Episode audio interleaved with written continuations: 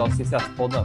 Den enda svenska Chelsea-podden. Skapad av och manövrerad av Chelsea Supporter Sweden. Den enda officiella svenska Chelsea-supporterföreningen med platinamedlemskap i Chelsea FC. Återigen så är det jag, Hannes Bergin, som sitter här vid eh, vad säger man, programledarstolen. Och med mig idag har jag min värskötte Christian. Visst, det är väl västgöt va? Det stämmer, det stämmer. Västra Götaland. Västgöta.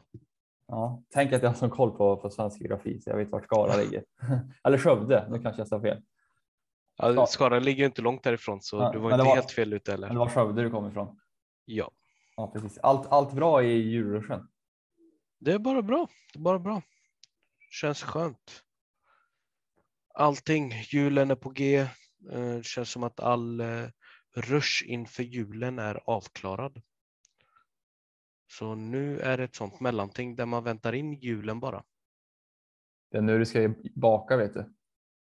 Nej, du, jag, det brinner i köket om jag rör vid någonting. ja, det, är- det är lika för mig kan jag säga. Det låter jag, låter jag tjejen sköta.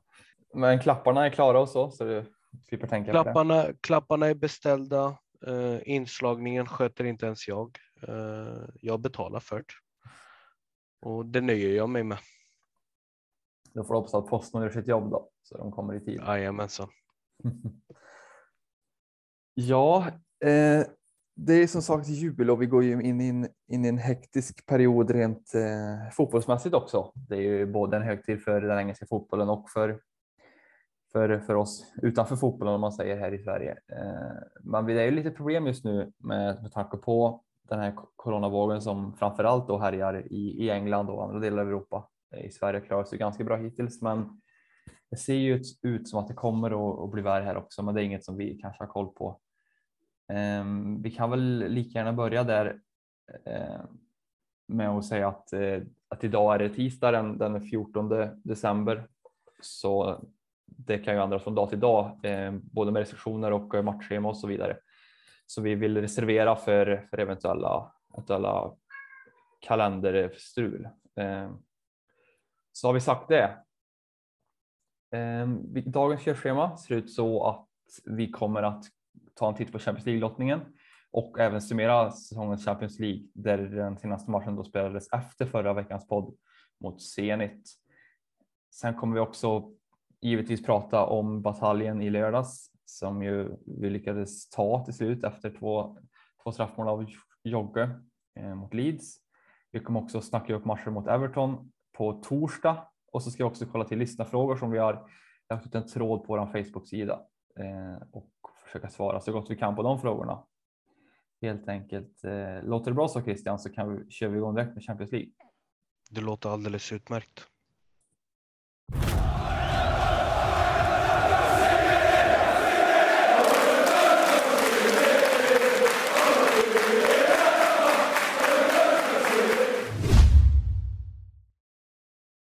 Ja, det blev ju Lill i Champions League-grupplottningen. Och sen så avbröts den lottningen. Den, eh, vad säger man, negligerades och vi fick, fick lotta om. Och så blev det Lill igen, Christian. Eh, Ja. rö, röta, minst sagt. Nej, det var meningen. Ja, det var meningen så. Ja, ja. Ja, vad, vad tror du att det var? Tror du att eh, Arsenal, eh, vad säger man, Arsenal-legendaren Arshavin medvetet tog Lill två gånger för oss eller var det? Nej, jag tror, jag tror att det är meningen. Jag tror att det är meningen att vi ska gå tillbaka och vinna Champions League igen. Okej, om man ändå hade sån tro. Själv man, Ja, är man, man måste ju.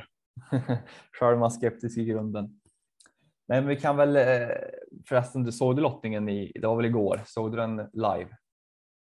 Jag såg, den, jag, jag såg den första lottningen och så stängde jag av. eh, Jag var på jobbet och så stängde jag av jätteglad. Direkt efter att vi hade fått Lill så stängde jag av liksom och tänkte jag behöver inte kolla på någonting mer. Gick runt. Jag har en kollega som är United-supporter. Eh, jävlades lite med honom eh, i och med att de fick PSG först. Eh, så kollade han på mig i total förtvivlan och frågade mig liksom, vad, har du missat någonting? Nej, vad menar du? De har ju lottat om. Jag, jag tänkte ju givetvis att han jävlades med mig bara. Eh, men sen eh, så gick jag in och läste och såg att eh, ja, det hade ju hänt en hel del från det att jag hade stängt av.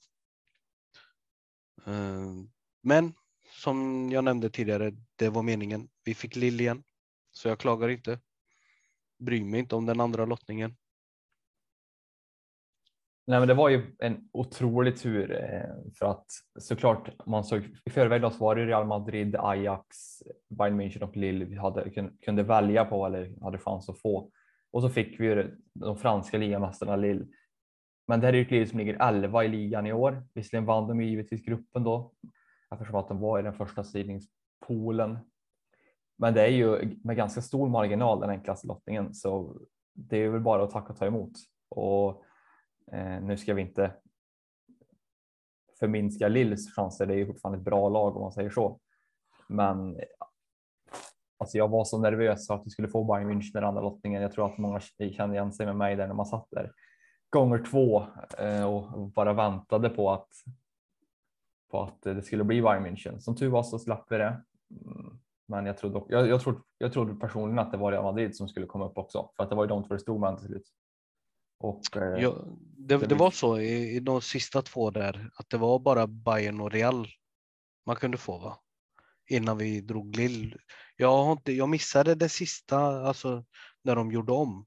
Ja. Men som jag förstod det som så var det väl Real, Lill, Bayern och Real som det stod. Mellan. Nej, det var mellan Lill och Real för Bayern eh, drogs mot Atletico Madrid innan. Så. Okej, okay, ja. Ja. Så som tur var. Så vi klarade oss ändå bra undan och lyckades ta Lill två gånger om man jämför med till exempel Liverpool fick lite svårare motstånd i Inter och, eh, och United fick lite lättare kanske. Atletico Madrid. Bayern. Bayern fick ja, nu, har, precis. Ja. Ja, nu har de väl lite mera chans. Jag tror inte att de har haft någon mer chans eh, mot PSG. Du tror inte det? Nej, jag, jag, man får ju en känsla av att det var lite riggad. Eh, jag satt och läste lite konspirationsteorier om att man önskade att se Ronaldo mot Messi en sista gång. Ja, så. ja ur ett marknads, marknadsperspektiv så vore det väl eh, vore väl till fördel för Uefa kanske att sätta de två, en garanterad eh, clash mellan de två. Så kan det vara. Men vi ska väl inte kanske, man kan ju inte lita på allting som försiggår i neon direkt, men man kanske inte heller ska vara för, för konspiratorisk när det gäller, när det gäller de grejerna. Men om vi ska försöka summera den här, den här hösten då. Vi blir tvåa i gruppen bakom ett, ett, ett svagt Juventus sett till IA-form och vi har allting i handen. Vi har gruppsegern. I, ja, klar i stort sett när vi går in på stopptiden mot, mot Zenit. Sen så slutar våra mittfältare jobba hem och så gör de 3-3 på ett fantastiskt sätt. Givetvis en fin volley, men vad var känslan där och då? Säg Christian, för, för mig var det så otrolig förtvivlan att vi slarvar liksom bort den här gruppsegern. Eh, jag satt på en pizzeria och kollade på den matchen tillsammans med mina fotbollsspelare. Och eh, vi är några Chelsea-fans i min förening.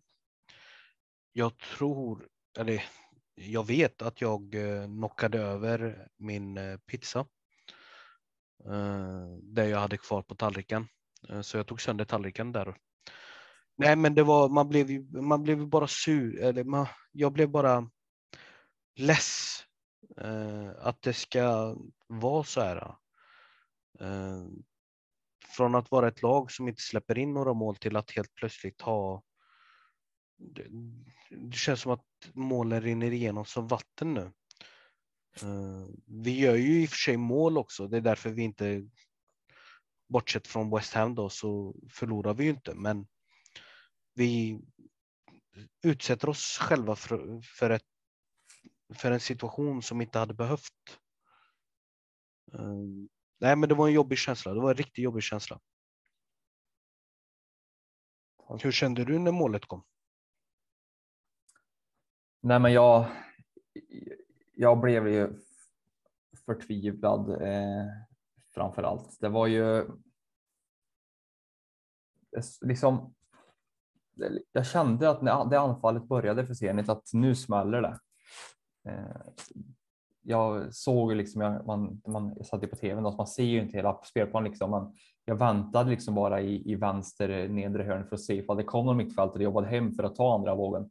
Men det var ingen där och så kom bollen ut turligt och sen en fantastisk träff av, träff av oss, oss då, eller vad, vad nu hette. Eh, så. så är klart man blev, man blev lätt liksom. men. man hade nästan förväntat sig lite grann med tanke på den dåliga formen vi har haft också. Så. Så det var väl inte så att jag blev, blev jättesur kanske, men eh, liksom lite, lite så här, lite tom. Liksom. Det är inte det Chelsea man har vant sig vid. Vi har varit så bortskämda som jag varit in på tidigare på den också den här, den här hösten och förra våren. Så det här är ju en väldigt tuff period vi är inne i just nu, trots att vi, att vi, att vi får Lille liksom i åttondelsfinal i Champions League och, och vann senaste ligan och ligger med i topp, toppstriden. Så eh, jag vet inte, det är svårt att och liksom veta riktigt vart man, vart man eh, vad man tycker typ. Eh, man givetvis som man inte med spelet på något sätt och Kepa räddar sig faktiskt många gånger i den här matchen också mot Zenit för att från att, eh, att det ska bli fler mål för de har ju många bra lägen där de rinner igenom eh, Claudinho och, och det, det, han, vad heter han? Asmon, va? Sardar Asmon också. Mm. Gör en bra match. Mycket imponerad av honom för, för övrigt. Jag håller ju med. Man blir ju lite för, man blir förtvivlad och man märker, eh, man, man har en känsla av att okej, okay, det här, det här eh, kommer inte vi att lösa. Eh, sett till hur det har varit de senaste matcherna. Men efter att vi gjorde 3-2 målet så kände jag att nej, men nu är de tillräckligt rutinerade för att spela av matchen. Liksom. Ge bollen till Lukaku ner till hörnet och bara spela av de, vad var det, 6-7 minuterna som var kvar. Eh, jag hade ju hoppats på att man hade varit överambitiös när de kom där i det sista anfallet och försökte lägga en avgörande passning väldigt tidigt och misslyckas med det. Men ja, nej, det är. Det var bra ord. Bra ordval. Ja, men ett avancemang blev det till slut och det är också väldigt klart i, i gruppen. Och vi lyckas få Lill som vi varit inne på. Var såklart det är en drömlott och allting, men men spontana känslor. Nu vet vi att vi har Lill. Vi vet att vi har framför oss ett januarifönster dit. Vi vet inte vad som händer med truppen och så vidare. Men det här bör väl vara en, en, en komfortabel, ett komfortabelt avancemang, va? Eller? Ja, alltså. Ehm, man ska inte ta någonting ifrån Lill. De hade en fantastisk säsong förra året eh, och då tog vi ändå deras en av två bästa spelare Mondy Mondi kom till oss och eh, Kamavinga drog ju till Real inför den här säsongen. Ehm, de hade inte en jättesvår grupp för att avancera. Sen att de avancerade som eh, ettor, det var ju bra. Sevilla hade de och de hade Red Bull Salzburg och Wolfsburg tror jag. Ehm, Nej men eh, Lille är ett svåranalyserat lag sett till dels för att jag inte håller koll på ligan och eh, jag kan bara utgå från de spelarna de har i truppen. Eh, jag vet att jag skrev ner här att de hade tre, fyra spelare som är väldigt intressanta. Men resterande lag är. Det var någon som hade skrivit inför eh, Zenit-matchen om att man jämförde Zenit med Brentford om man ska jämföra Lill med något lag så kan jag väl tänka mig att de är en typ Everton i den klassen kanske. De har Burak Yilmaz, Renato Sanchez, Yusuf Yazici och Timothy Vea, eh, George Veas son. Eh, så de har ju ett bra lag och alla de här spelarna är ju mer eller mindre kända för att vara duktiga individuella spelare. Eh, men utöver det så kan jag inte så mycket. Eh, att de vann League 1 förra året var ju, eller förra säsongen. Eh, de chockade ju, det, det var ju den största skrällen i hela fotbollsvärlden. Ingen trodde ju att de skulle vinna ligan. Jag tror att det var inte lika stor skräll som att Leicester vinner Premier League, men det var inte långt därifrån du, jag tycker att du glömmer en del spelare här faktiskt. De har ett bra lag. Eh, eh som sagt, en fantastisk skräll givetvis. PSG är ett otroligt lag och givetvis mycket bättre än, än, eh, än Lille. De har ju även en spelare som jag är mycket imponerad av som heter Jonathan David från Kanada. Eh, en ung, ung kille som har gjort det bra och har fått ryktats till flera, flera större klubbar redan i somras till och med. Sen det stämmer, de, det stämmer. Sen har de även Jonathan Ikone som ryktas till eh, Fiorentina på senare tid har jag hört också. En, en anfallare. Eh, I och för sig då, Fiorentina är inget, inget topplag i Europa kanske, men, men det är fortfarande bra spelare. Sen så har de ju mittbacksparet med José Font och eh, Sven Bottman som ju är ett stabilt mittbackspar. Eh, José Font med sin rutin och så Bottman är ju en av de största, största talangerna ute på, på mittbacksmarknaden. Ja, nu har inte jag full koll på hur han spelar och så där, men enligt ryktesväg i alla fall så, så är han en stor talang, den här Bottman. Så har de också en, en sist om du tar det namnet, en, en vänsterback som, som är svensk. Har du hans namn på rak arm? Jag skulle vilja gissa på ett namn, men nej, jag lär nog eh, göra bort mig ordentligt. Eh, han är inte, inte uttagen i landslaget. Eh, varken Martin Olsson går före enligt Janne Andersson, det här är alltså en spelare som, som spelar Gudmundsson va? Ja, precis. Som spelar vänsterback i, i Champions League för Lille. Så det, det är lite intressant. Men i alla fall, eh, det är ju en Får se om han får spela. Jag har inte koll hur, hur mycket han har spelat den här säsongen, men det är ju ur svensk synvinkel intressant att se vad han kan, kan göra mot Chelsea. Ja, eh, för alla er som lyssnar som tror att jag kom på namnet ur ingenstans så gjorde jag egentligen en supersökning på Google alldeles nyss. Nej, men eh, Gabriel, det var lite som jag sa. Jag skulle kunna jämföra det här Lill med Everton. Eh, alla de här namnen alla unga spelare som spelar i någon typ av högsta liga är en lovande talang på ett eller ett annat sätt. Eh, Lill är ju, de har ju väldigt många unga spelare, men ingen som, ingen som hotar på den nivån. Eh, som, som ska kunna hota Chelsea framför allt. Renato Sanchez är väl den enda jag kan komma att tänka på så här på rak arm som har varit fantastisk sen han lämnade eh, Eh, Bayern München till exempel. Ja, precis. Eirat Sanchez är en bra spelare. Eh, vet inte, det. Det känns som ett lag som om de får momentum och kommer in bra i matchen så kan de skapa mycket oreda och vara bra. Men det kan också vara ett lag som bara städar av med 2-0 plus 2-0, 2-0 liksom och 4-0 totalt. Men den som lever får se. Vi vet ju inte heller januarifönstret. Man vet inte vad som händer med Lill. De har inte gått så bra i ligan. Kanske värvar de mer nu. De har väl antagligen lite mer pengar efter ligatiteln och så vidare. Europapengar och allting som de kanske inte haft tidigare. Det är ingen, ingen notorisk eh, åttondelsfinalklubb i Champions League direkt. Så de kanske förstärker trupperna lite också. Truppen, eh, framförallt då kanske, kanske på backsidan med, med något namn till. Men, eh, så, men annars så tror jag, annars så, så är vi självklart stora favoriter. Eh, vågar du sätta odds tror du på den här matchen?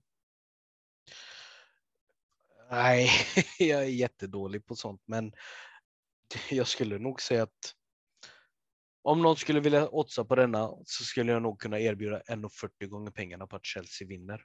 Och då tror jag att jag ger ganska höga odds. Ja, det är nog spelbara odds tror jag. ja, det, det, det låter bra. Det låter rimligt tror jag. Jag är inte heller bra på odds, men eh, jag skulle väl säga mer om man säger procentuellt kanske 75-25, 80-20 kanske. Ja, men 80-20, det, det, det, det köper jag. Mm. Bra, vad säger du eh, om spontant nu då utan någon vidare analys, analys i, i, i den utläggning. Vilka, vilka fyra lag kommer vara i semifinal? Sett till Eh, nu vet inte lottningen kommer utfalla och någonting sånt, men vilka fyra lag är bäst just nu i Europa? Vilka fyra lag tror du har störst chans att gå till, till semifinal? Jag tror, eh, nu vet jag inte hur eh, lottningen kommer se ut, om vi kommer att möta någon av de här lagen inför, innan semifinalen. Men om vi bara har ett blankt papper så skulle jag säga Bayern München, Chelsea, City och Liverpool. Ja, där är vi exakt likadana. Trots att Real Madrid leder ligan överlägset i Spanien så, så är det de tre engelska giganterna och Bayern München just nu som, som, som man kanske ändå får ta där uppe. Sen är Real Madrid strax efter skulle jag säga. Real Madrid och PSG. Alltså, man ska inte glömma dem. De är ju, det är ju fantastiska lag. Det är fortfarande Real Madrid med all deras historia och all deras glans. Och PSG med deras stora namn som de har i truppen nu. Men jag tror att ja, om man bortser från hur det ser ut för oss just nu. Eh, slår man ut hur vi har haft det sen Tuchel har kommit så ser jag oss högre än dem. Eh, vi är ju ändå Champions of Europe. Ja. Och sen får vi inte glömma att just PSG möter Real i åttondelsfinal också, så bara ett av de lagen kan vara i semi. Ja, i och för sig. ja, men vi, vi nöjer oss med Champions League-snacket där tycker jag och så går vi vidare mot Eh, och blickar tillbaka, eller vad säger man, blickar tillbaka lite kortare i tiden kanske man säger, till matchen mot Leeds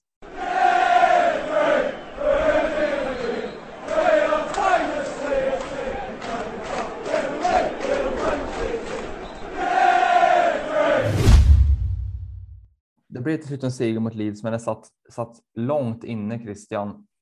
Vad är det vi gör för skillnad rent negativt för att det ska bli så här mot, mot ett lead som, som inte alls imponerat den säsongen tidigare och ändå så, så är vi så nära att tappa poängen mot dem. Och vi har ju ren bondflax och, och, och ja, och, någonstans skicklighet kanske hos Rydiger för att vi får den här sista straffen vad är det som Leeds gör bra eller vad är det, vi, vi, vad är det som vi gör dåligt för att, för att de ska vara med i matchen så länge? För det första så tror jag att de kommer in mer taggade till den här matchen än vad Chelsea gör. Vi alla känner till den här rivaliteten mellan Chelsea och Leeds från FA Cup-finalen. Det var det typ 1970. Eh, ligger långt inne i bägges historia. Men eh, Leeds kom ju in lite mer taggade känner jag och Chelsea var inte eh, vi kommer inte, vi kommer inte upp i nivå. Uh, inte nog med att vi inte kommer upp till nivå så har vi en vänsterkant som sätter skräck i alla Chelsea-fans nerver. Ehm, och det visade sig stämma. Ehm, Alonso orsakar straffen som Rafinha förvaltar utan problem. Ehm, vi, vi kom ju inte in. Den första riktiga, riktiga eh, den var nog inte heller jättekvalificerad eh, om inte det vore så att Alonso eh, gör rätt ifrån sig och faktiskt hittar ett jättefint inspel till Mason Mount som gör mål. Eh, Mason, han blev ju tokhyllad efter det målet för hans rörelse och sättet han väldigt behärskat satte bollen mot första stolpen. Eh, jag vet att Monier, målvakten, eh, blev ju helt ställd efter det. Eller inför det skottet. Men vi kommer inte helt upp, vi kommer inte upp till nivå. Eh, jag vet inte om det är skadorna som hämmar, att vi inte har, att vi inte haft ett ordinarie mittfält på över en månad, eller snart en månad. Ehm, om det är det som hämmar. Eh, det kan inte bara vara att Chilwell är skadad som gör att vi skiter på oss. Jag vet faktiskt inte vad det är. Jobbig period. Mycket möjligt. Många skador, mycket möjligt. Men Torshäll är ju en person som roterar extremt mycket. När man roterar så mycket som Torshäll gör så bör inte skador vara hämmande. Men någonstans kanske det min, min personliga åsikt är att det går väl naturligt. Det går väl naturligt i perioder hur bra lag är och alla lag kommer in i svackor och vi har väl våran svacka nu. Det går inte att förneka liksom. Men jag tycker det, det, det intressanta är att det är svårt att sätta ord på var är vi gör fel. Vi har ett bra hoppet visserligen om man säger det. Vi har ju både Conte och Kovacic och, och Chilwell kanske som de tre, framförallt de tre spelarna som är borta från, från ordinarie uppställningen den här matchen då, jag vet att Kovacic börjar på bänken ibland, men han är ju en spelare som framförallt mot Leeds skulle passa väldigt bra tror jag med sitt spel och sitt, sitt tvåvägsspel. Så men vi har ju ändå, om man liksom Loftus Cheek och Alonso inga dåliga spelare, fast Alonso man börjar bli trött på honom och allt det där. Så rent, rent krasst så vi möter ju ett motiverat Leeds den här matchen. De ställer ju upp med eh, en, en yttermittfältare eh, på topp nästan. Han kan även spela anfallare Robert som springer springer ihjäl sig nästan så fort han, han springer ihjäl, alltså så, så mycket han springer den här matchen. Jag tycker att vi, vi, vi börjar matchen, jag vet inte, vi spelar liksom vi spelar som vi brukar göra på något, men vi liksom kvaliteten sitter inte och liksom det stämmer inte och vi får inte liksom fast bollen där uppe alltid och, och jag tycker att framför allt att Kai Havertz är en otroligt svag match. Så vi skapar inte mycket heller utan Leeds skapar nästan mer än vad vi gör. Jag tycker att vi eh, vi kämpar verkligen med att eh, försöka hitta någonting konstruktivt. Det kommer liksom inte naturligt. Det är någonstans dit jag vill komma. Det kommer inte naturligt det vi gör och det, det kanske är med ren form liksom och frågan är vad som gör det. Men, men, men det är ju jämnare än vad det ska vara. Så man får väl se det att det, man får ett cykelsked att ta tre poäng eller, eller hur? Det är väl så man får se det. Ja, eh, alltså job done. Eh, det som, det som oroar mig väldigt mycket är att Leeds kommer till den här matchen med fler tongivande spelare borta sett till eh, hur viktiga de är för Leeds än vad vi är än, än vad vi kommer till matchen. Vi har ändå världsklasspelare som backar upp de skadorna vi har. Eh, Leeds har ju inte riktigt samma eh, utbredning på deras spelare som vi har. Eh, men nej, men det, det är nog det. det en december månad, jobbig period. Det var väl den här månaden som fick Frank Lampard att bli sparkad, om jag inte misstar mig heller. Det var ju den här jobbiga månaden som vi hade och det gick liksom inte att rädda situationen därefter. Den, den Men, började faktiskt nu efter matchen mot Leeds för ett år sedan. Ja, och det ska inte vara en ursäkt. Eh, de svackorna vi har, det är alla som har, alla som har liksom gissat, gissat sig till att Chelsea ska vara ligavinnare i år börjar ju tveka så grov som den svackan ser ut. Det enda som räddar oss nu är att vi faktiskt lyckas vinna matcherna. Vi klagar på att vi inte att vi inte är tillräckligt eh, bra framför mål, men ändå lyckas vi göra tre mål. Ja, förvisso, nu är ju två av dem straffar, Eh, men sett till de andra matcherna som vi har spelat lite sämre. Vi gör två mål mot Watford. Eh, vi gör två mål mot West Ham, tre mål mot Zenit och så gör vi tre mål idag. Så vi gör ju ändå mål. Eh, även om man tycks. Det, det känns inte som att vi är. Att, att, hur ska jag förklara detta på bästa sätt utan att min hjärna skramlar ihop allting nu?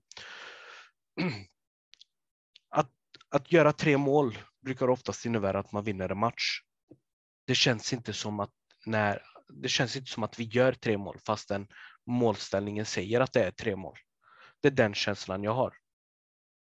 Jag vet inte ifall jag låter totalt orimlig nu och alla bara tänker han har jobbat för länge den här mannen, men det, det, det är en skum känsla. Jag kan inte förklara det där riktigt. Eh. Nej, men jag förstår vad du menar. Det kändes lite som att vi var inte nog bra för era tre mål. Vi har egentligen två straffar då, och vi kan komma med straffarna lite senare om de var rätt eller inte. Men vi, sk vi skapar inte ens närheten lägen tycker jag på tre mål den här matchen.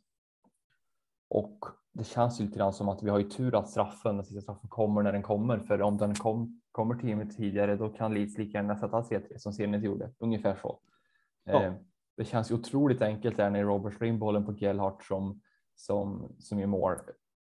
Det kändes ju som att jaha, där kommer en, en 18-årig junior med sin första touch i, i matchen. Liksom. Man får bara styra in den. Liksom. Och det var ju för övrigt också från våran, våran högerkant som försvarade just det inlägget också, så det var ju inte vänsterkanten som tappade markeringen heller, eh, som var större än matchen tidigare. Så det, det är svårt att sätta ord på vad vi är för fel. Men vi får väl helt enkelt eh, försöka eh, ja, men ta vara på tre poängen. Då. Vi går på straffarna istället för att försöka. Första straffen antar jag du tycker är solklar, alltså Chelseas första straff. Ja, det stämmer.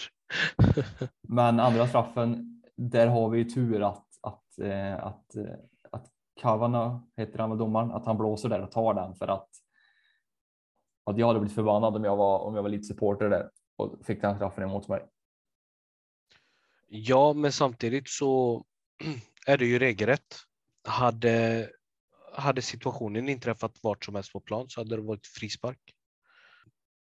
Jag tror att det var, vad heter han, Matteus Klisch eller vad han heter? Ja, precis. Han eh, går ju på foten först. Sen var det bara väldigt rutinerat av Rudiger.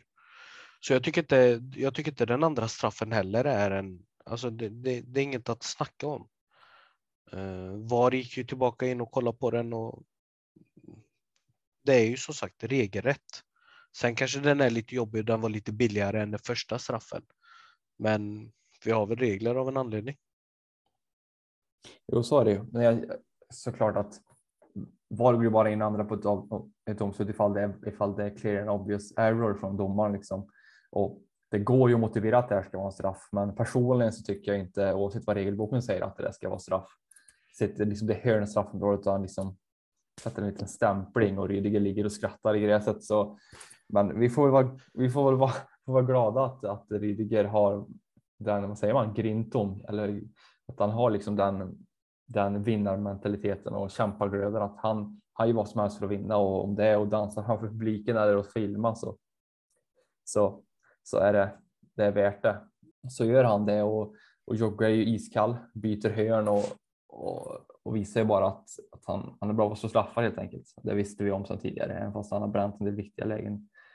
Så, så sätter han två här i alla fall. Ja, eh, jag tänker så här då. Insatsen i stort är vi självklart inte nöjda med. Det, det är klart att det är så.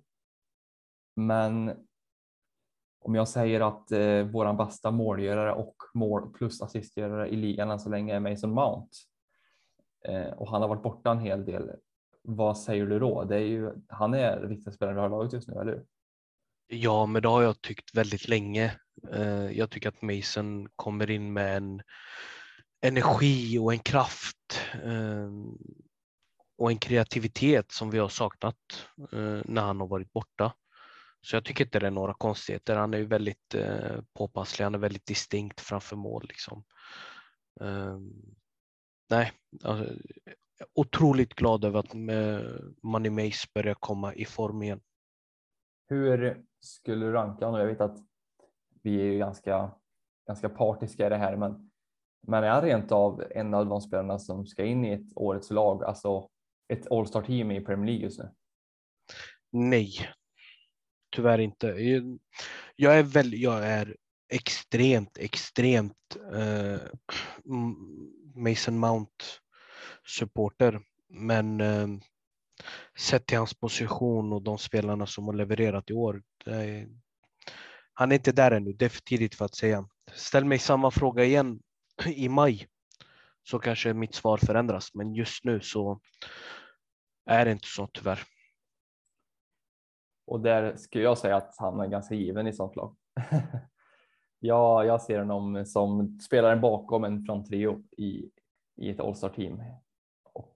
Där är ju Bernardo Silva och Salah ganska givna. Och sen så är det ju frågan ifall det är Cristiano Ronaldo som ska in framför också. Möjligtvis, men, men på ett mittfält så tycker jag att man ska ha en plats av tre platser.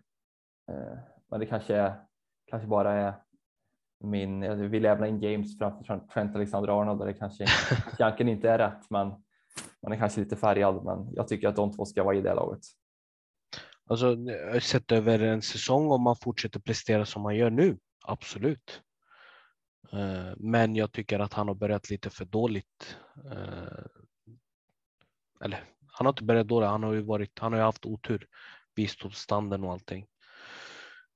Men eh, jag hoppas att han fortsätter och då är han lätt med i ett Allstars team. Vi vet i alla fall att vart vi har framtiden någonstans i våra byggstenar Mount James och, och, och resten av de unga killarna i laget. Alltså, känner du vi nöjda med Leeds där? Job done, tre poäng och Grint. Ska vi, kan vi nämna någonting kanske om? Jag såg här att Leeds har fått en böter för att de inte kunde kontrollera sina spelare vid slutet, slutsignalen. Eh, det var ju, var ju kul att se. Att ja. De får lite, en böter upp till kanske de kan. De kanske får ta ner på fiskskålar och Om ni har hört den gamla anekdoten när de, när de var så bankrutta lite så de var tvungna att sälja fiskarna till och med. Eh, med den gamla ägaren, jag minns inte vad han hette nu, det var italienare i alla fall. Men det är ju kul när det visar sådana här känslor som vi gör där, när till exempel när Mason i mål och tystar ner fansen och, och Rydgers dans till exempel. Det är ju sånt som får en, liksom, det känns som att någonstans så återuppväcktes den här rivaliteten med Leeds som man har liksom saknat lite grann på något sätt. Och hemma ifrån tv-soffan så, så uppskattar man det något otroligt mycket att det finns den, den, den elden liksom. Att det inte blir en vanlig vardagslunchmatch mot ett, mot ett, ett nedre tabellag. Eller du håller med eller? Ja, absolut. Ehm, jag stod ju och skrek varje gång Leeds eh, gjorde minsta lilla regelbrott. Tyckte att alla förseelser var rött kort. Eh, nej, men eh, det som var mest underbart av allt det här, det var att se hur Rudiger tar en, jag vet inte om det var en 40 meters löpning bara för att vara med i det här bråket och skydda spelarna. Eh, det gör mig samtidigt väldigt ledsen.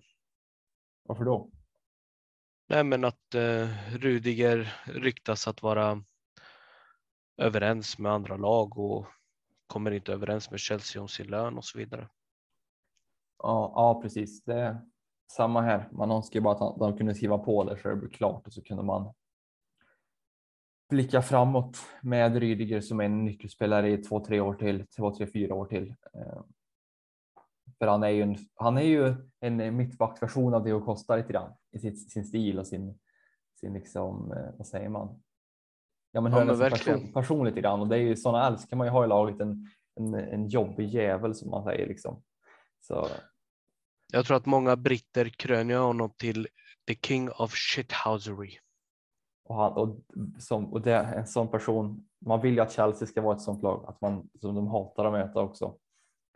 Och eh, det är, är nästan en unik egenskap i den. Eh, så det hoppas att det löser sig, men som sagt, det är nog bara Rydiger själv som vet vad han kommer att spela nästa säsong tror jag. Ja, men vi hoppas att de kommer överens i alla fall. Ja, det var någon som, någon skrev på Twitter genom 500 000 pund i veckan då när han, när han gör så här, sådana här matcher mot Leeds. ja, men vi går väl vidare i, i vårt körschema till Everton tycker jag. Ett underpresterande Everton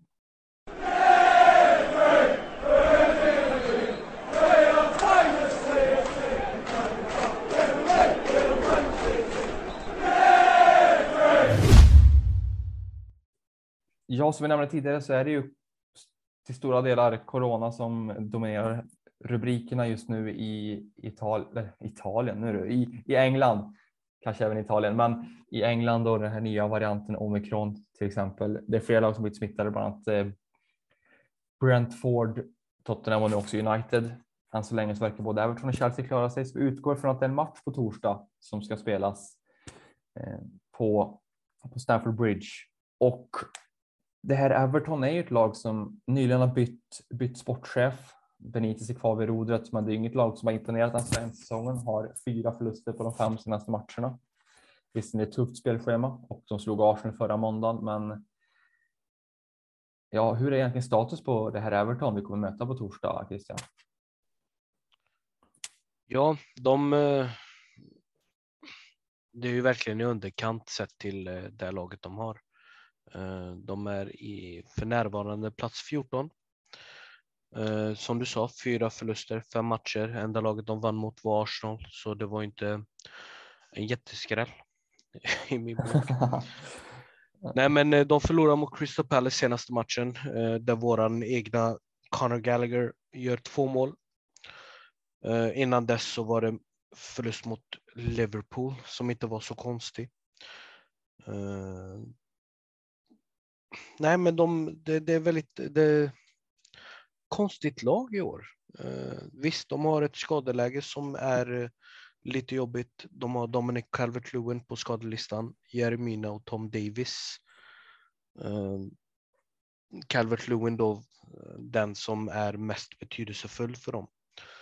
Men eh, sett till dem hur de har spelat och Benit Benites Fat Spanish Waiter eh, nej, man, blir inte, man blir inte riktigt klok på Everton. Man, eh, jag kollar igenom eh, alla Premier League-lags highlights varje vecka. Eh, de har en sjukt bra trupp som jag känner används väldigt fel. Inte för att jag klagar. Jag ska inte gå in och försöka hjälpa Everton nu heller. Men, nej, men väldigt underligt. De har spelat allt från en rak 4-4-2 till 4-2-3-1 och det känns som att han inte vet hur han ska spela. Så nej, men det är ett dåligt Everton helt enkelt. Uh, förmodligen sämre form än vad vi är i just nu. Ja, det kanske är svårt att förstå. Eller om man inte har bra koll på Everton så kanske det är svårt att riktigt förstå hur, vilken djup kris de är inne i. Eh, innan Arsenal-matchen så hade de inte vunnit sedan september och om man räknar med Arsenal-matchen och en match mot Norwich, ni vet det här Norwich som låg i botten av tabellen och hade noll poäng vid den tidpunkten, så har de två segrar sedan augusti. Det är alltså december nu. Det här är ett Everton, i alla tävlingar alltså två segrar sedan augusti. Det ska väl bara vara, om man kollar resultaten så är det bara en överkörning som väntar helt enkelt. Men man vet ju att lagen höjer sig lite när det är storlag som kommer som, eh, som ställer upp emot på motståndet liksom. Och eh, om det är något Benitez kan så är det att stänga matcher mot lag som, i alla fall vissa tidigare lag som har mer boll. Men hur tror du vi ska spela mot det här Everton? För jag antar att de kommer ju att, att stå lågt och kontra som vi säger mot alla lag mot oss. Men det är ju troligtvis så det kommer bli. Eh, hur, hur ska vi spela för att kunna, kunna utnyttja, utnyttja våra styrkor mot Everton? Är det, är, de har ingen mina till exempel. Ska Lukaku från start? Jag tror att Lukaku startar nu. Eh, jag tror att det är. Eh, jag tror att han är tillräckligt fit. Um, Lukaku, Werner, uh, eventuellt en Pulisic uh, skulle vara roligt att se. Uh, skulle Kanté inte komma till start idag så tror jag innerligt att Mason Mount går in i det mittfältet. Um, jag tror att vi kommer ha en rotering som kallas stuga. Jag reserverar mig för att ha fel eh, i och med att jag inte jobbar med Thomas Tuchel och inte vet hur han tänker. Men eh, jag, om jag gissar, nu är jag väldigt, nu, nu gissar jag väldigt vilt, så skulle jag gissa att vi har Lukaku uppe på topp eh, tillsammans med Werner och Pulisic. Jag vet att jag tjatar om den här jädrans Pulisic, men han är ju nyttig att ha mot lågt stående lag.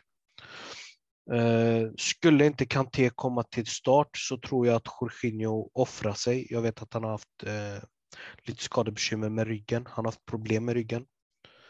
Eh, men jag tror att Mount och Jorginho hoppar in där i eh, mittfältet. Sen har vi James Chaloba tror jag är tillbaka dessutom.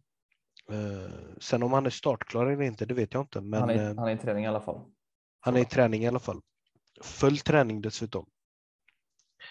Men jag skulle nog gissa att vi skulle spela Thiago Silva, Rudiger, Christensen, James och Alonso ute till vänster. Ja, det lär väl, det lär väl bli något sånt. Eh, jag har inte. Om man kollar på Evertons laguppställning så de har ju ett, ett, ett, bra lag på pappret och jag tycker framför allt att man ska inte underskatta dem i, i en lördagsmatch där de har allt att vinna på, på Stamford Bridge. Och jag är lite orolig, fast det, det är nu är det torsdag, förlåt mig, nu brann jag upp dagarna. I alla fall en torsdagsmatch. Kanske ännu bättre under, under läktarljus och allting, att det blir ännu mer tagg. Man vet aldrig. Men eh, det känns ju som att, som att det är en match för Pulisic lite grann.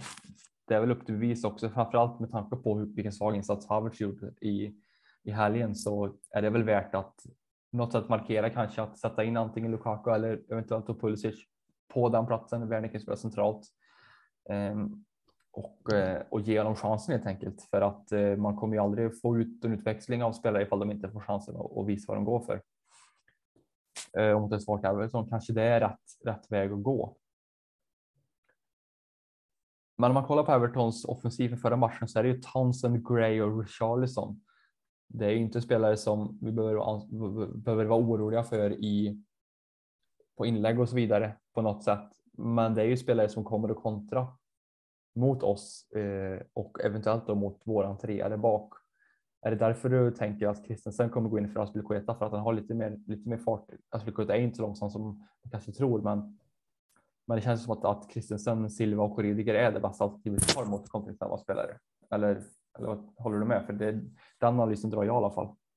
Ja, men det är lite så jag tänker. Ehm, det känns ju inte att de kommer vara bollförande och du sa ju själv att Benitez är duktig på att stänga ner matcher. Eller försöker. Han försökte ju mot Liverpool, men vi såg hur det gick. Ehm, så jag, det leder mig att tro till att Allan och Dokure kommer att starta som inne mittfält, eh, inne mittfältspar över André Gomes. Ehm, Backlinjen tror jag kommer bestå av Coleman, Holgate, Keane och Godfrey. Hur de ska stå emot oss har jag ingen aning, men eh, jag tror att vi är mindre benägna att vara oroliga över kontringarna än vad jag normalt sett skulle vara orolig för. Jag tror att de kommer fokusera lite för mycket för att, att komma ut med ett bra resultat mot oss. De har haft en lång period där det har varit jävligt dåligt för dem. Ehm, de fick lite andrum efter matchen mot eh, Arsenal. Jag tror att det andrummet är borta nu efter förlusten mot Crystal Palace. Så jag tror inte att han, eh, att eh, Benitez kommer att gå in för att vinna den här matchen, utan han vill bara se till att de inte släpper in något mål. Anledningen till varför jag tror att Lukaku, Pulisic och Werner skulle vara en bra fronttrio tillsammans är för att jag misstänker att Lukaku kommer spela någon typ av link-up-spelare, en eh, targetman. Eh, Pulisic och Werner tar ju sina löpningar. Jag läste på Twitter en sjukt bra förklaring på skillnaden mellan Werner och Lukaku. Och det är att Lukaku sätter målen, eh, men han kommer inte till de lägena för han tar inte löpningarna som Werner tar och Werner missar de lägena som Lukaku hade satt. Eh, så jag tror att de två tillsammans skulle kunna orsaka extremt svårt eh, mot lågt stående försvar. Mason Mount mittfältet känns naturligt för mig för att han vågar slå de där sjuka avgörande passningarna eh, som bryter mellan linjerna. Så ja, men jag, jag har en så här väldigt skum känsla där vi kommer gå in och vinna 5-0 Eh, likt, jag kommer inte ihåg ifall vi vann med 5-0 eller 5-2 säsongen vi vann Champions League förra gången, eh, 2012, eh, när det gick så dåligt för oss. Men då hade vi en match mot Everton där det liksom bara eh, där det bara släppte. Och sen slog, så gick vi vid. Vi slog, vi slog det väl med 5 också, väl något sånt innan ja, men, ja. också. Sista matchen kom 2019 tror jag vi slog dem det var väl då våra kära medlem, podcast, eh, vad säger man, medlemmar och CSS-medlemmar var iväg också på medlemsresa. Där det blev 5-1 eller något sånt. Jag kommer, inte, jag kommer faktiskt inte ihåg. De får jättegärna lämna en kommentar och skicka lite bilder från den matchen. Det hade varit roligt. Nej, men eh, Everton känns som en sån här riktig slagpåse för Chelsea. Eh, jag vet att några medlemmar i gruppen hade lagt upp en eh, intervju som eh, Gary Neville hade tillsammans med Frank Lampard. Och då sa Frank Lampard att han älskade spela på White Hart Lane för de kallar det för three points lane. Everton känns som ett sånt motstånd idag. Hoppas du tar i trä nu, känner jag. Nej, jag är alltid lite negativ inför Chelseas matcher, men eh, om man ser realistiskt på, på hela matchen så, så ska det ju bli en seger givetvis.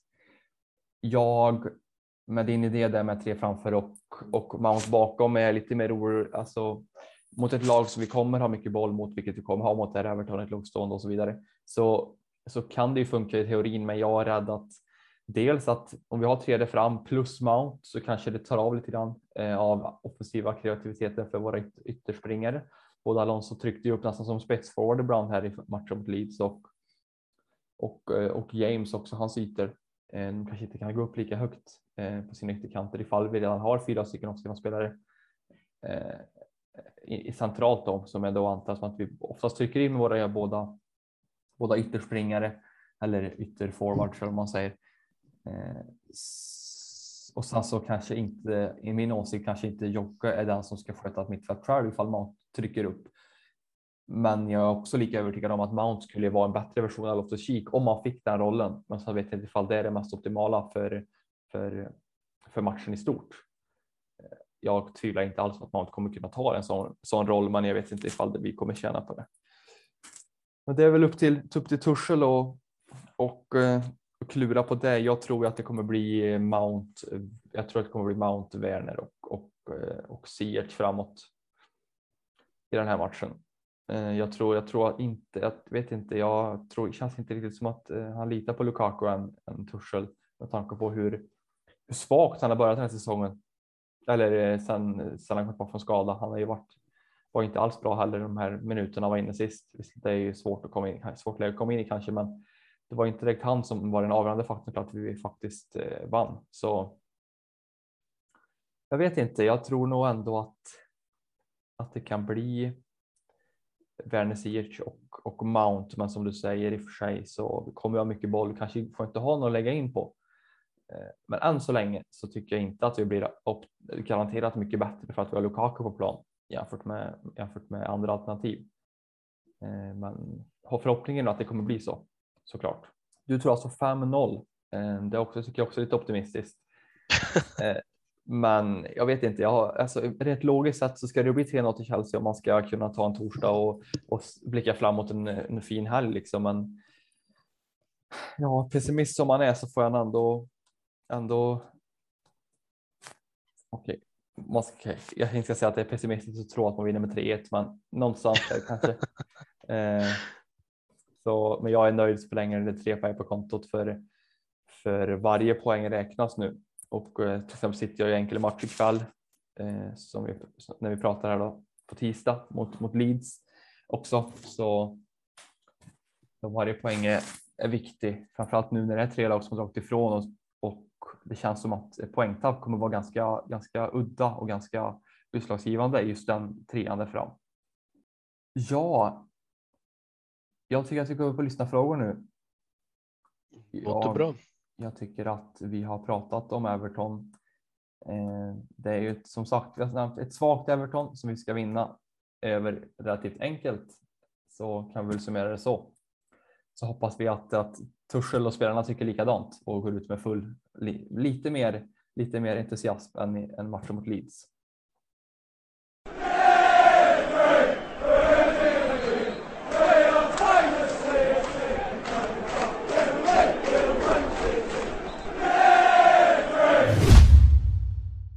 Ska vi lyssna frågor då? Jag tycker vi kör igång direkt här med en fråga från Robert Robin Herbertsson. Som vi spelar nu med en 3-4-3 passar Gallagher i en av de två på mitten eller ska han in och konkurrera med de tre i tredje fram nästa säsong? Jag tänker att du får svara på den direkt Christian som att du är en, den taktiskt lagd av oss två. Vart passar Gallagher bäst? Jag har absolut ingen aning. Um, nej, men ska man, ska man tänka eh, lite realistiskt nu har vi alla spelare tillgängliga så går Kanté in med huvudet före. Eh, Jorginho, han är inte min favorit, men han är eh, tränarens favorit och han är även vicekapten i Chelsea. Så jag tror inte att han kommer konkurrera med någon av dem på mitten. Och har vi dessutom Kovacic tillgängligt så Eh, skulle, skulle Gallagher vara med i centrallåset så skulle han vara ett fjärde alternativ. Så jag tror faktiskt mer på de tre där fram. Eh, jag tror att han skulle vara en av de tre offensiva eh, spetsarna som vi skulle ha. Ja, jag håller helt med där. Nu har inte jag koll på ifall vi, vi får, får utgå från att han kommer vara i Crystal Palace den här säsongen, vilket jag också tror är bäst för hans utveckling och då kommer han komma i sommar. Och om man tar en plats då så skulle jag tro att det är ju en, han kommer ju inte vara en given startspelare i vår, vår, vår startelva utan eh, jag tror att han kommer ta en plats på, på det offensiva mittfältet helt enkelt. Och rent, rent krasst helt enkelt en, en, en andra fjol bakom Mount ungefär i den rollen. Jag ser ju till exempel Eh, en Lukaku förhoppningsvis som en spelare som kommer vara given i mitten. Sen har vi Werner, vi har det Havertz, vi har Mount och sen då kanske Gallagher. Jag är inget fan av Ziyech och Pulisic inte spelat jättebra än så länge så eventuellt då att någon av dem flyttar på sig. Vi har också en Hudson och Doy. Det hör vilken truppbredd vi har.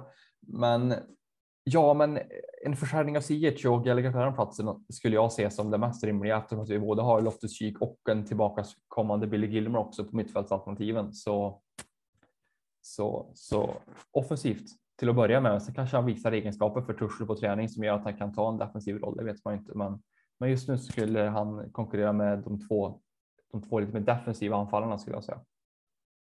Eh, vi går vidare. David Wallengren har en fråga här som som lyder. Vad tror ni våran dipp som vi är i nu beror på? Ja, då är det intressant att bena ut det. Och det var ju lite inne på att det är ju svårdefinierat kanske vad problemet är med våran, våran dipp. Vad tror du Christian rent? Eh, det är ju inga, inga taktiska direktiv liksom och inga förändringar i spelet som gör att det kan vara en, en, en process för att vi ska, liksom ska utvecklas eller någonting sånt. Vad, vad tror du det är som gör att vi, att vi är sämre just nu? Det kan vara en av flera olika eh, orsaker. Eh, den ena kan vara att Tuchel har gjort sig eh, opopulär bland spelarna. Jag tror inte att det är så. Jag ser bara att det är ett alternativ. Eh, en annan grej är att sättet vi spelar på eh, med den belastningen som vi lägger på, vårat, eh, på våra två mittfältare. Den har fallerat nu när, när vi har två tongivande spelare borta och vi har en tredje som spelar väldigt eh, som spelar skadad. Tuchel har ju återkommande sagt att Jorginho har ryggproblem, vilket gör att det finns ingen säkerhet i det mittfältsparet som vi har. En tredje grej är att det är en högintensiv period nu.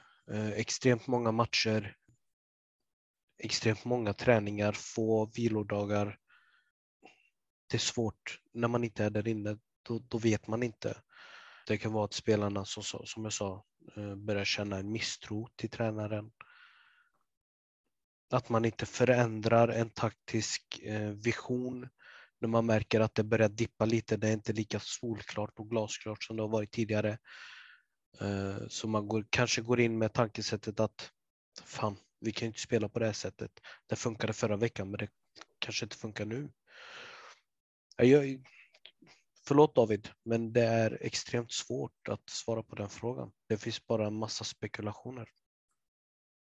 Vi får helt enkelt lita på, på, på Thomas och, och resten av, av tränarstaben att de löser det här va? Ja, alltså det, det hoppas jag. För tar vi oss igenom den här perioden och kan börja spela flitigt och vackert som vi gjorde tidigare så tror jag att vi tar hem Premier League-bucklan och jag går ju inte tillbaka på mitt ord. Jag har ju sagt väldigt, jag sa väldigt tidigt att vi vinner Champions League år igen vi får hoppas på det bästa helt enkelt. Du är en optimist. Jag är en extrem optimist. Ja, och där är vi olika. Vi, vi, kan, vi går vidare där. Carl Bosson eh, har två frågor. Vi kan väl börja med den första. Värvar vi något i januari?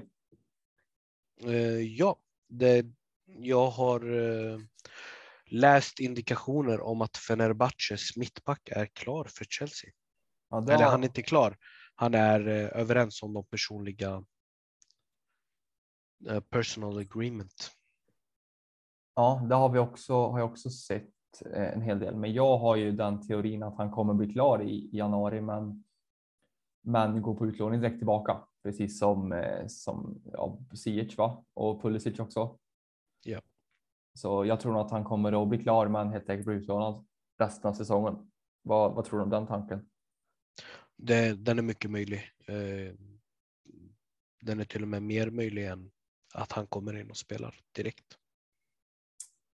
Och Salah har vi pratat om lite grann om, om och såvida han är, är eh, ersättare till Rydiger eller någon annan av mittbackarna som inte har kontrakt, Rydiger, Christensen, Silva. Så det kan vi kan ni gå tillbaka till. Nu kommer jag inte ihåg vilken podd det är, men vi har pratat om det tidigare podd i alla fall. Så behöver inte prata mer om Salah där. Sen går vi nästa fråga då. Ni får välja en go-to-värvning just nu. Ni får välja en helt, säg så här, Christian, du får välja en julklapp. En spelare som går till Chelsea. Vem väljer du då? Då, jag väljer två spelare. Två? Yes, Har, jag... du, varit- har du varit så snäll alltså i år så du får två spelare? Jajamensan. Nej men ehm, eh, jag har fan tänkt på den här frågan aslänge och vad vi skulle behöva och vad jag skulle önska att se. Eh, den första spelaren som jag skulle välja rakt av är Juri Tillemans från Leicester. Mm. Eh, jag tror att Juri Tilleman är lösningen på alla mina problem, både i mitt hem och mitt privatliv och mm, allt. Jag tror han. Jag har en lite förkärlek till den killen. Nej, men. Eh, Juri Tillemans är nummer ett. Eh, jag tror att han skulle avlasta killarna på mitten något så fruktansvärt. Samtidigt som han skulle hjälpa till med att pusha våra anfallare till en helt ny nivå. Eh, Det är den känslan, det är den känslan jag får av den spelaren. Och den andra, jag kan inte uttala hans namn. Eh, Jag kallade honom Kevin tidigare, men jag ska göra ett försök. Eh, Kvisha Kvarats Kvaratskelia. Säger det dig någonting? Nummer 18 i Georgien säger det mig. Perfect. Ja. Samma bana. ja. Nej, men en eh, offensiv spelare. Jag vet att eh, Chelsea har varit intresserade av eh, den italienska versionen av honom. Eh, men jag. Eh, nej, den här spelaren, han är något alldeles extra. Om inte Chelsea köper honom, då vet jag att han kommer köpas någon annanstans av något annat lag och han kommer göra jävligt bra ifrån sig. ja, det är två minst intressanta spelare där. Om jag får också säga två stycken då så är den första lite tråkig. Eh, mer av, vad säger man? Eller för båda kanske är det, men mer av, eh, säger man, romantiska skäl kanske att jag vill ha tillbaka fick Harry Tomori som är en av mittbackarna inför nästa säsong. Jag tycker han är en fantastisk säsong i Milan och, eh, och grämer mig väldigt mycket att jag släppte honom. Så Tomori eh, vore väldigt kul. Och sen så min önskelista nummer ett var förra julen och kommer också vara den här julen att vi kommer att få tillbaka Declan Rice från West Ham. För jag är så otroligt imponerad över hur han spelar i West Ham och den ledarskap, den ledargestalten och allting. Och för mig så om vi får en Rice med Mount, det är, det är 20, 20-talets version av, av eh, Lampard Harry. Eh, rakt av, även fast Rice var lite mer offensivt än vad Harry gjorde givetvis. Så. Två bästa kompisar som, som leder ett lag tillsammans och är stöttepelare framöver och fostrade i den här fantastiska 99-kulen också i Chelsea. Är alla, alla är både Tomori och Rice. Så de två är högst upp på mina önskelistor.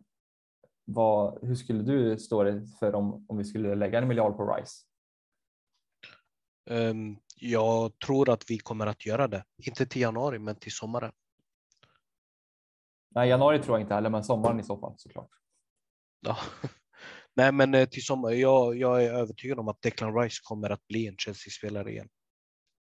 Så Ja. jag håller helt och hållet med. Det är en, han är en Chelsea-produkt. Han har ett Chelsea-hjärta.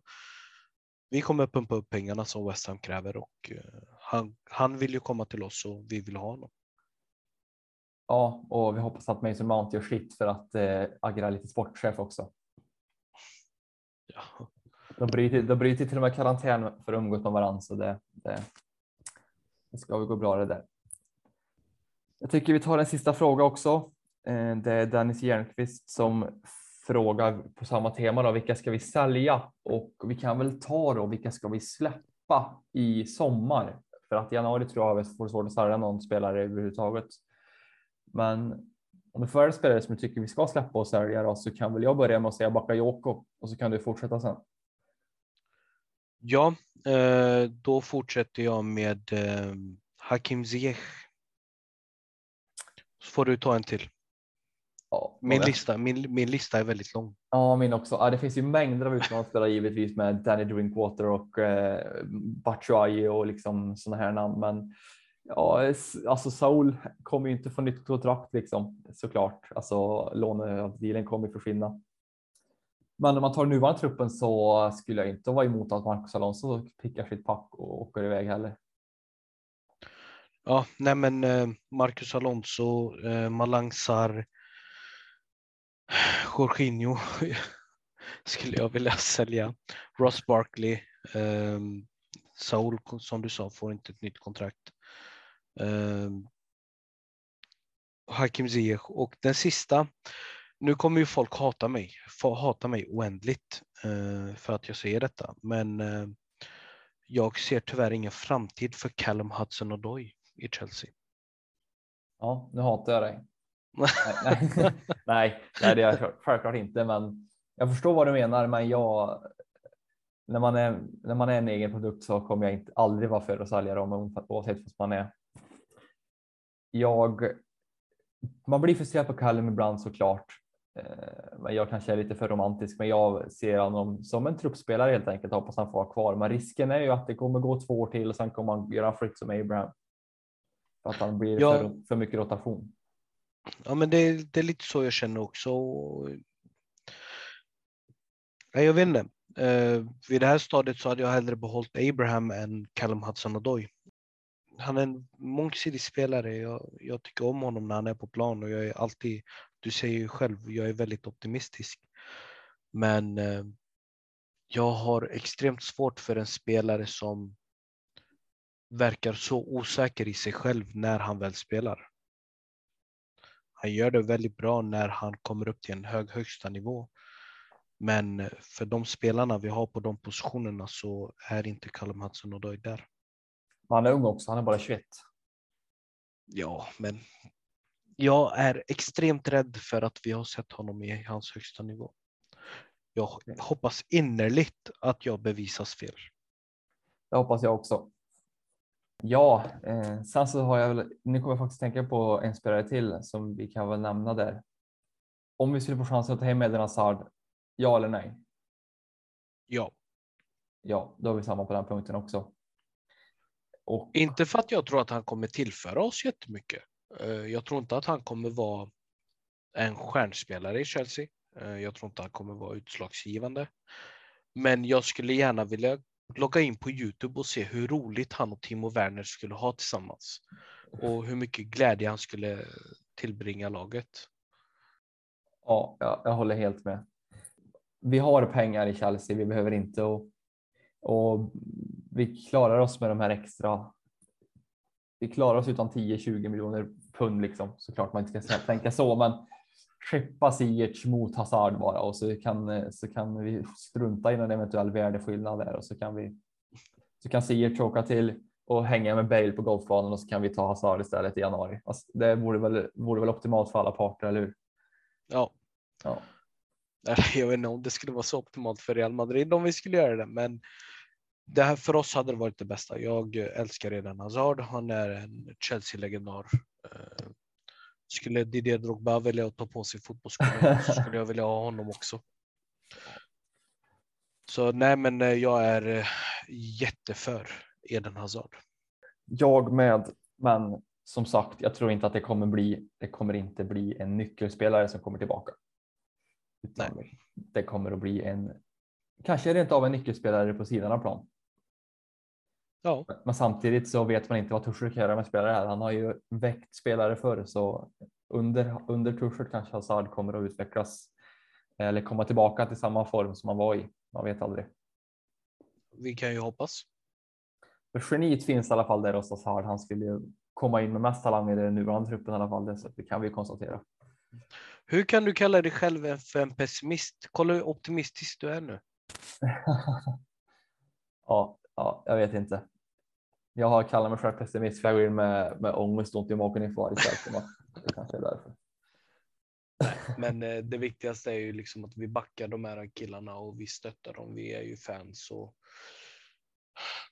jag är den mest kritiska när jag har all fakta. Mm. Eh, innan en match så är jag extremt optimistisk och så länge matchen lever så tror jag och jag hoppas när domaren har blåst av då blir jag precis som alla andra och klagar till den israeliska klagomuren. Ja, vi nöjer oss med frågorna där. Eh, är det någonting mer du vill tillägga inför helgens eller inför veckans match? Vi har väl även match till helgen nu har jag faktiskt inte kollat. Vi har väl match också. Söndag och... mot uh, Wolverhampton klockan mm. 15. Ja, precis, men det är väl dumt att gå för långt händelserna i förväg, men det blir väl en seger där också, eller hur? Jajamensan. Eh, De fick ju en, eh, ett rött kort på Jiménez. Eh, han fick två gula under en minut. Så det var ganska dumt för de hade ju fortfarande chans att stjäla poäng från Ja, det hjärnsläppet lämnar vi till en annan podcast som, som täcker Premier League. Men eh, domaren i alla fall eh, inför eh, Chelsea-Everton är Michael Oliver. Mm. Jag hade hoppats på Chris Kavanagh. ja. ja, För mig är han våran ma- man of the match mot Leeds. tätt följd av Rydiger kanske. Nej, men det kommer gå bra. Du kommer att se. Den som lever får se. Jag skulle avslutningsvis vilja påminna er alla om att följa oss på våra sociala medier. Det är sportföreningen Chelsea Supporter Sweden som står bakom den här podden och man behöver inte vara medlem för att dela vårt ideella arbete. Men vill man så kan man stötta oss på ett enkelt sätt genom att följa oss på våra sociala medier och, och helt enkelt konsumera det, det innehåll vi lägger ut. På Instagram heter vi Chelsea Sweden official. På Twitter heter vi at Chelsea Sve. Så in och följ oss redan idag. Jag heter atberg49 på Twitter och Christian heter at Christian. Vill du bokstavera? Det är med ifall du vill så de, så de vet vart du så de kan skriva in ditt namn och hitta det enkelt. Absolut. Eh, S-O-U-M-E C-H-R-I-S-T-I-A-N. Kanske borde ha ett kortare namn. Du får döpa om det kanske. Ja. Jag rekommenderar också ett besök på vår hemsida på Svenska fans som är www.svenskafans.com England Chelsea där vi som vanligt publicerar matchrapporter, artiklar och olika krönikor om saker som händer kring vår fina klubb. Och så vill jag också slå ett slag för våran CSS-podden grupp där vi bland annat har fantasy, fantasy-trollen som kommer ut lite då och då. Det är väl du som sköter det tillsammans med, nu tappar jag hans namn, Robert Jonsson heter han det? Stämmer. Stämmer, stämmer. Och eh, just nu vill inte jag prata om fantasy, men men det är som, det, i de trådarna det går det mycket intressanta diskussioner om, om hur man ska värdera eftersom att det finns flera tränare ute i Premier League som är väldigt eh, ovissa med sina uttagningar. Ja, tack Christian. Det här var ytterligare ett avsnitt av, eh, av CSS-podden och du börjar bli väldigt varm i kläderna nu. Tackar, tackar. Det är roligt att få vara med. Det är kul att få ha dig med. Så vill jag, om vi inte hörs igen, så vill jag önska dig en god jul också. Detsamma. Ett gott nytt år. Ja, tack, tack. Och så vill jag även önska alla, eh, alla lyssnare. Vi kommer tillbaka innan jul, men jag vill önska alla lyssnare ett trevligt julstök och lycka till med julbaket nu i veckan som kommer. Och framför allt tacka er för, en, för att ni har lyssnat på dagens avsnitt. Carefree och up the shells.